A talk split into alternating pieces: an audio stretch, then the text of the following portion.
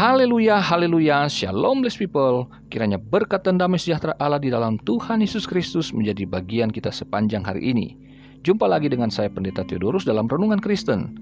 Hari ini kita akan membahas tentang setia dan jujur dalam perkara yang besar. Terambil dari Injil Lukas pasal 16 ayat 10 sampai 12, ayat 16 dan ayat 18. Begini firman Tuhan. Barang siapa setia dalam perkara-perkara kecil, ia setia juga dalam perkara-perkara besar. Dan barang siapa tidak benar dalam perkara-perkara kecil, ia tidak benar juga dalam perkara-perkara besar. Jadi jikalau kamu tidak setia dalam hal mamon yang tidak jujur, siapakah yang akan mempercayakan kepadamu harta yang sesungguhnya? Dan jikalau kamu tidak setia dalam harta orang lain, siapakah yang akan menyerahkan hartamu sendiri kepadamu? Ayat 16 Hukum Taurat dan kitab para nabi berlaku sampai kepada zaman Yohanes, dan sejak waktu itu kerajaan Allah diberitakan dan setiap orang menggagahinya berebut memasukinya. Ayat 18, setiap orang yang menceraikan istrinya lalu kawin dengan perempuan lain, ia berbuat zina. Dan barang siapa kawin dengan perempuan yang diceraikan suaminya, ia berbuat zina.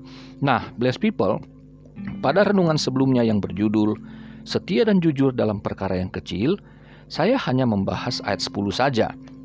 Tapi kali ini saya akan membahas secara sederhana ayat 10 sampai 18, Saudara dapat membacanya sendiri secara utuh. Di ayat 10 bagian A, Yesus tidak hanya mengatakan tentang setia dalam perkara-perkara yang kecil saja, tetapi ia melanjutkan dengan setia juga dalam perkara-perkara yang besar. Demikian juga di ayat 10 bagian B. Yesus mengatakan dalam bentuk negatif yang artinya bagi kita ialah kita harus melakukan yang sebaliknya yang positif. Frasa tidak benar dari teks Yunani artinya tidak jujur di ayat 11. Dan sebagian besar terjemahan bahasa Inggris menulis dishonest.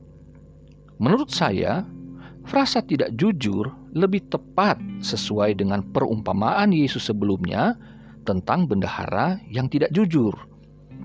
Sekarang kita akan belajar untuk setia dan jujur dalam perkara yang besar.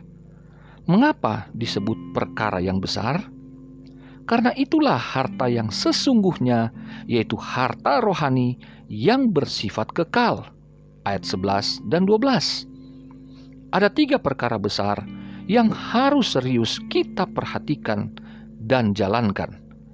Yang pertama, setia dan jujur dalam mengabdi dan mengasihi Allah ayat 13. Yesus mengecam orang-orang Farisi, hamba-hamba uang itu karena fisiknya memang melayani Tuhan, tetapi hatinya hanya melayani uang. Ayat 14 dan 15. Uang berguna dan penting dalam menunjang aktivitas hidup, tetapi uang tidak boleh menggantikan Tuhan di hati dan pikiran kita. Tuhan adalah sumber. Uang adalah sarana Tuhan untuk menunjang kehidupan umatnya. Pekerjaan dan pelayanan dapat menghasilkan uang. Namun ingat bahwa itu semua hanya oleh anugerah Tuhan. Kita bekerja dengan setia dan jujur sebagai pengabdian kepada Allah bukan demi uang dan kekayaan. Yang kedua, setia dan jujur dalam melakukan firman Tuhan ayat 16 dan 17. Orang-orang Farisi sangat setia dalam melakukan hukum Taurat, namun tidak jujur di dalam memutuskan suatu perkara yang berkenaan dengan soal-soal agama. Arti lain dari frasa tidak jujur dari teks Yunani adalah tidak adil. Bagi orang Kristen, Alkitab adalah firman Allah, yaitu Perjanjian Lama dan Perjanjian Baru. Perjanjian Lama tidak pernah batal, tetapi digenapi oleh Yesus Kristus. Apa yang Yesus amandemen itulah yang menjadi Perjanjian Baru, tetapi yang tidak diamandemen berarti tetap berlaku.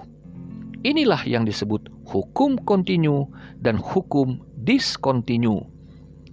Orang Kristen tidak boleh memilih untuk melakukan firman Tuhan hanya menurut yang ia inginkan dan yang menyenangkan hatinya saja. Yang ketiga, setia dan jujur dalam menjalankan perkawinan ayat 18. Perkawinan merupakan institusi pertama di bumi yang Allah rancang dan berkati.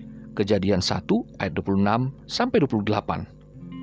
Allah membenci perceraian karena hal itu termasuk perbuatan pengkhianatan terhadap perjanjian perkawinan yang melibatkan Allah di mana keturunan ilahi yang menjadi kehendaknya di dalam perkawinan itu. Maliaki 2 ayat 14 sampai 16. Dan perceraian disamakan dengan perbuatan hianat Yehuda kepada Allah dan hal tersebut berpengaruh besar terhadap kualitas ibadah mereka. Maliaki 2 ayat 10 sampai 13. Suami istri Kristen harus menghormati perkawinan dengan sungguh-sungguh karena perkawinan mereka menyingkapkan rahasia besar yaitu hubungan Kristus dan jemaat. Efesus 5 ayat 33. Jadi blessed people, selama ini kita hanya berpikir seperti yang biasa diajarkan, yaitu kita harus setia dan jujur dalam perkara-perkara yang kecil. Tetapi lupa bahwa kita yang setia dan jujur dalam perkara yang kecil akan dipercayakan perkara-perkara yang besar. Itu berarti menuntut tanggung jawab yang lebih besar. Tetapi yang konsisten harus dilakukan adalah setia dan jujur itu. Ingat dalam pembahasan sebelumnya, setia berarti teguh hati dan jujur berarti lurus hati. Ini integritas yang harus kita nyatakan waktu kita melakukan perkara-perkara yang kecil, maka dalam melakukan perkara-perkara yang besar kita harus konsisten untuk jujur, untuk setia kepada Tuhan dan kepada pekerjaan yang Tuhan percayakan itu. Nah, apa yang Tuhan ajarkan di sini adalah perkara yang besar. Saudaraku, jangan pernah menganggap remeh ketiga hal yang saya sampaikan tadi soal kesetiaan dan kejujuran. Di dalam kita mengabdi dan mengasihi Allah ya, dalam menyembah, mengabdi, menyembah, memuliakan Tuhan. Jangan pernah anggap remeh, biasa-biasa itu hal yang besar sekali. Juga demikian dengan menjalankan ya bagaimana kita melakukan firman Tuhan. Itu perkara besar. Meskipun kita hanya membaca dan melakukan hal yang kecil tetapi ketika itu menurut apa yang Tuhan ajarkan maka itu besar nilainya.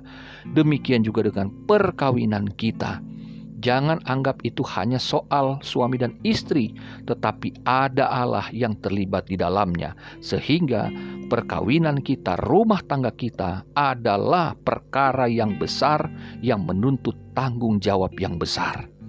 Mari teruslah giat untuk melakukan dengan setia dan jujur perkara-perkara yang besar dari Tuhan. Selamat beraktivitas, Tuhan Yesus mengasihimu. Tuhan Yesus memberkatimu. Haleluya, bless people.